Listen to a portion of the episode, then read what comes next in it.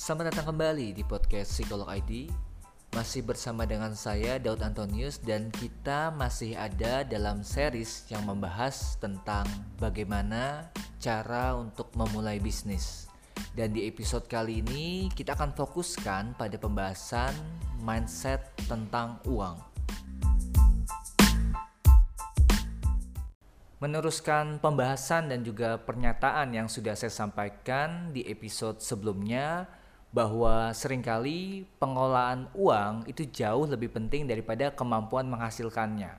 Dan kekayaan kita saat ini tidak selalu menentukan bisnis ataupun kekayaan kita ke depannya seperti apa. Mungkin Anda pernah mendengar kisah dari seorang wanita yang bernama Evelyn Adams yang dinyatakan sebagai salah satu wanita yang paling beruntung di dunia. Kenapa? Karena ia dua kali menang lotre di tahun 1985 dan juga 1986.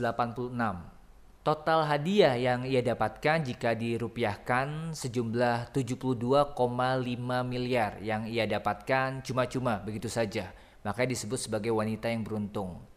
Tapi tidak butuh waktu lama, uang yang ia dapatkan kemudian habis dan ia dinyatakan bangkrut pada tahun 2001 karena kebiasaannya untuk berjudi dan juga mencari peruntungan lain dan kebanyakan kalah dan uangnya habis di sana. Hal yang serupa juga terjadi pada kehidupan orang beruntung lainnya yaitu Michael Carroll. Ia memenangkan lotre terbesar di Inggris pada tahun 2002 yang jika dirupiahkan hadiahnya bisa mencapai 223 miliar rupiah. Jadi sangat fantastis dan juga itu salah satu hadiah terbesar. Profesinya saat itu sebagai pengangkut sampah kemudian berubah drastis. Gaya hidupnya pun ikut berubah. Semenjak kemenangannya dipublikasikan, Michael Carroll berubah menjadi seorang selebritis dan gaya hidupnya pun berubah. Ia terus mengadakan pesta mewah di rumahnya yang juga ia beli dari uang tersebut dan dalam kurun waktu 10 tahun pada tahun 2012 ia kembali jatuh miskin lagi dan tinggal di penampungan bahkan sempat ada berita bahwa Michael Carroll ini ditahan karena mencuri makanan di swalayan.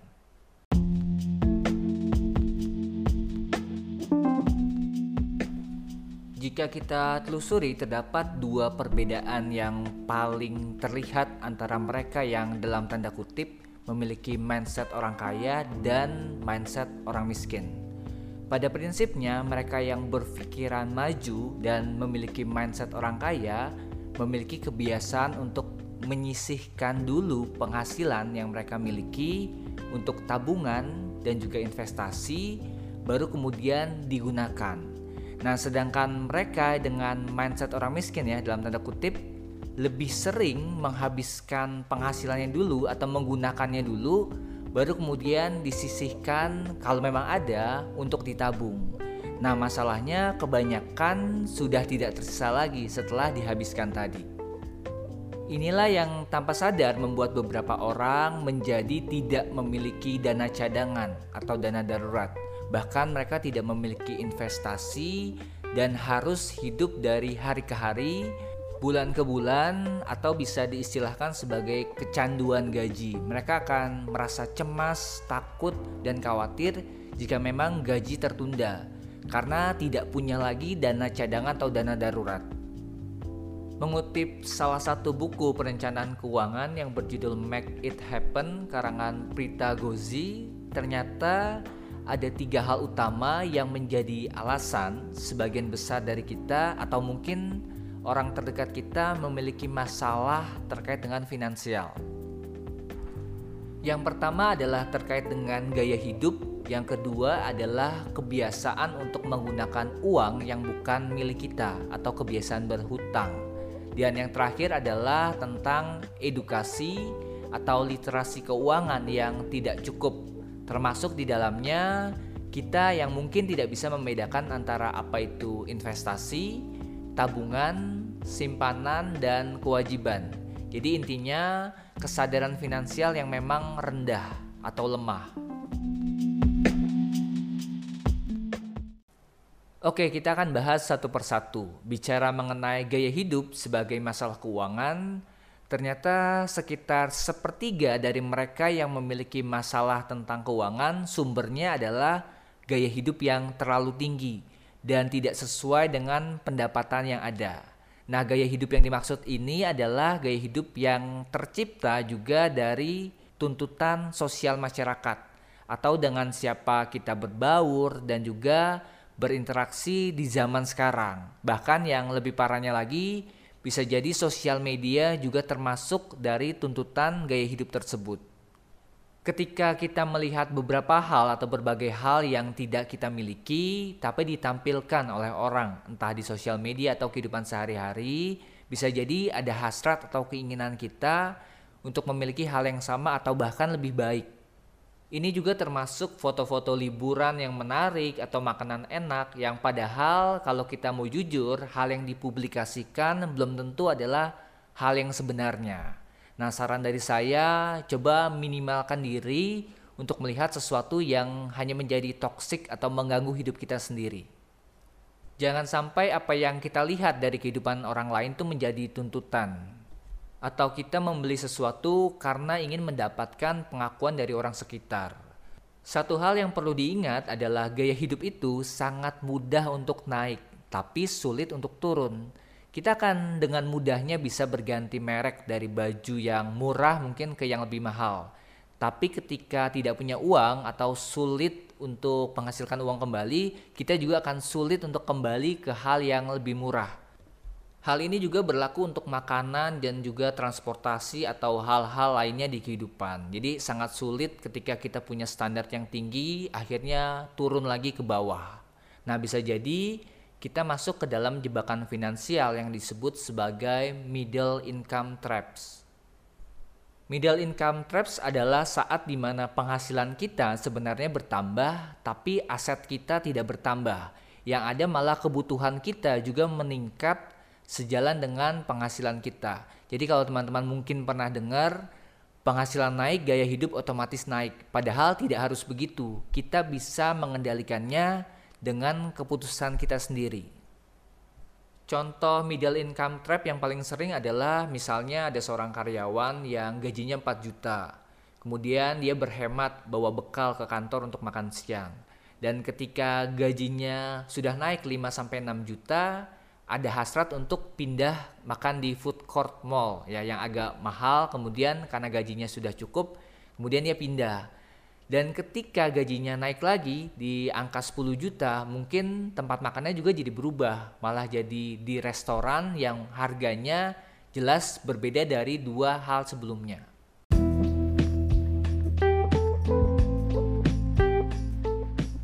Memberikan reward kepada diri sendiri sebenarnya tidak salah, tapi yang perlu kita pahami adalah kita memiliki tujuan finansial lain atau bisa mengalihkan penghasilan dan kelebihan dana kita ke beberapa aset yang kita butuhkan. Nah, cara untuk mengatasi middle income trap adalah latihan untuk pura-pura tidak naik gaji, walaupun sebenarnya penghasilan kita naik. Jadi kita tetap hidup dalam gaya hidup yang sama, tapi sesekali mungkin memberikan reward kepada diri sendiri tidak apa-apa dan fokuskan kepada aset dan juga investasi. Nah, dengan begitu, tanpa sadar gaya hidup kita juga akan tetap sama. Berikutnya, masalah finansial yang kedua yang sering terjadi biasanya disebabkan oleh menggunakan uang yang bukan milik kita atau hobi berhutang.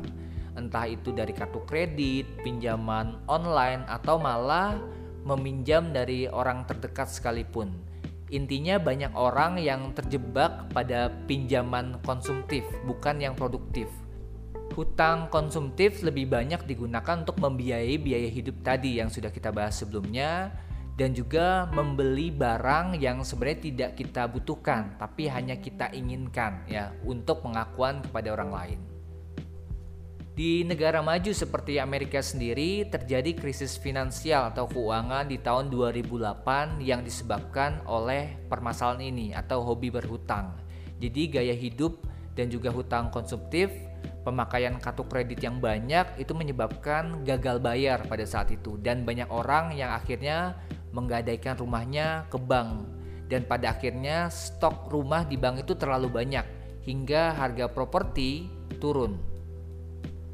Sebenarnya jika kita telusuri, hutang itu tidak 100% salah. Bahkan dalam prinsip ekonomi, hutang adalah salah satu penggerak pertumbuhan ekonomi. Tapi yang perlu kita pilih adalah apakah hutang itu menghasilkan sesuatu yang produktif atau hutang yang menghasilkan, apakah hutang itu membuat aset kita bertumbuh atau tidak. Saya akan berikan contoh untuk membedakan antara hutang produktif dan konsumtif. Contoh dari hutang produktif adalah meminimalisir biaya yang mungkin akan keluar. Contohnya jika Anda bekerja, mungkin kita kredit atau berhutang kendaraan, entah motor ya, untuk meminimalisir biaya transportasi setelah dihitung-hitung. Atau misalnya hutang modal usaha untuk meningkatkan pendapatan ya dari sebuah bisnis, itu sah-sah saja. Nah, yang berbeda adalah hutang konsumtif. Biasanya berhutang untuk misalnya ganti gadget baru, kemudian membeli tas yang lebih mahal, sepatu yang lebih bagus, atau yang lebih sering sekarang adalah ada pay later ya. Jadi beli sesuatu dulu bayarnya belakangan. Sebenarnya itu bukan sesuatu yang jadi kebutuhan. Dan juga misalnya untuk pergi liburan. Ya intinya tadi untuk memenuhi keinginan dan gaya hidup yang sebenarnya kalau tidak dipenuhi juga nggak masalah ya. Kemudian masalah yang ketiga yang biasanya muncul dalam keuangan atau finansial adalah minim literasi keuangan. Karena keuangan atau finansial menjadi hal yang tabu untuk ditanyakan. Ya sama seperti nanya kapan nikah, kapan punya anak bertanya punya gaji berapa juga kan sedikit nggak sopan di dalam masyarakat timur. Nah, jadi bisa dibilang keuangan itu memang satu hal yang cukup tabu.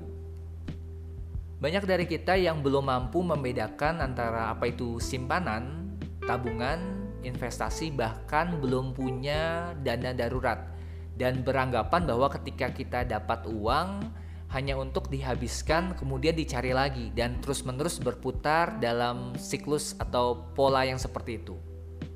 Hal ini tanpa sadar bisa memunculkan beberapa masalah finansial seperti generasi sandwich atau saat di mana sebuah generasi harus membiayai generasi di atasnya karena tidak memiliki pensiun yang cukup dan juga generasi di bawahnya karena memang belum berpenghasilan dan ini bisa jadi berat untuk generasi yang ada di tengah-tengah karena tidak mungkin membiarkan generasi di atas atau di bawahnya itu tidak memiliki cukup uang untuk hidup. Pada saat kita masih muda atau berada di usia produktif, bisa saja kita menemukan berbagai cara untuk menghasilkan uang atau memperoleh penghasilan. Bisa lewat jual tenaga, jual waktu, jual skill atau sistem di usia produktif sebenarnya adalah saat yang tepat di mana kita mulai melakukan perencanaan finansial, entah itu jangka pendek, menengah, atau panjang. Karena nantinya ketika di usia tua, biasanya fisik kita sudah tidak kuat lagi untuk bekerja, atau ada masalah mental block yang membuat kita tidak mau belajar hal baru dan tidak mau berubah, lebih nyaman dengan keadaan yang ada, dan akhirnya kita mengharapkan generasi di bawah kita itu membiayai kita. Perencanaan keuangan atau financial planning tidak menunggu ketika kita sudah punya uang banyak. Ini bahkan bisa dimulai ketika kita sudah memiliki penghasilan, berapapun penghasilannya itu, entah dari uang jajan atau memang dari gaji atau dari hasil bisnis kecil-kecilan.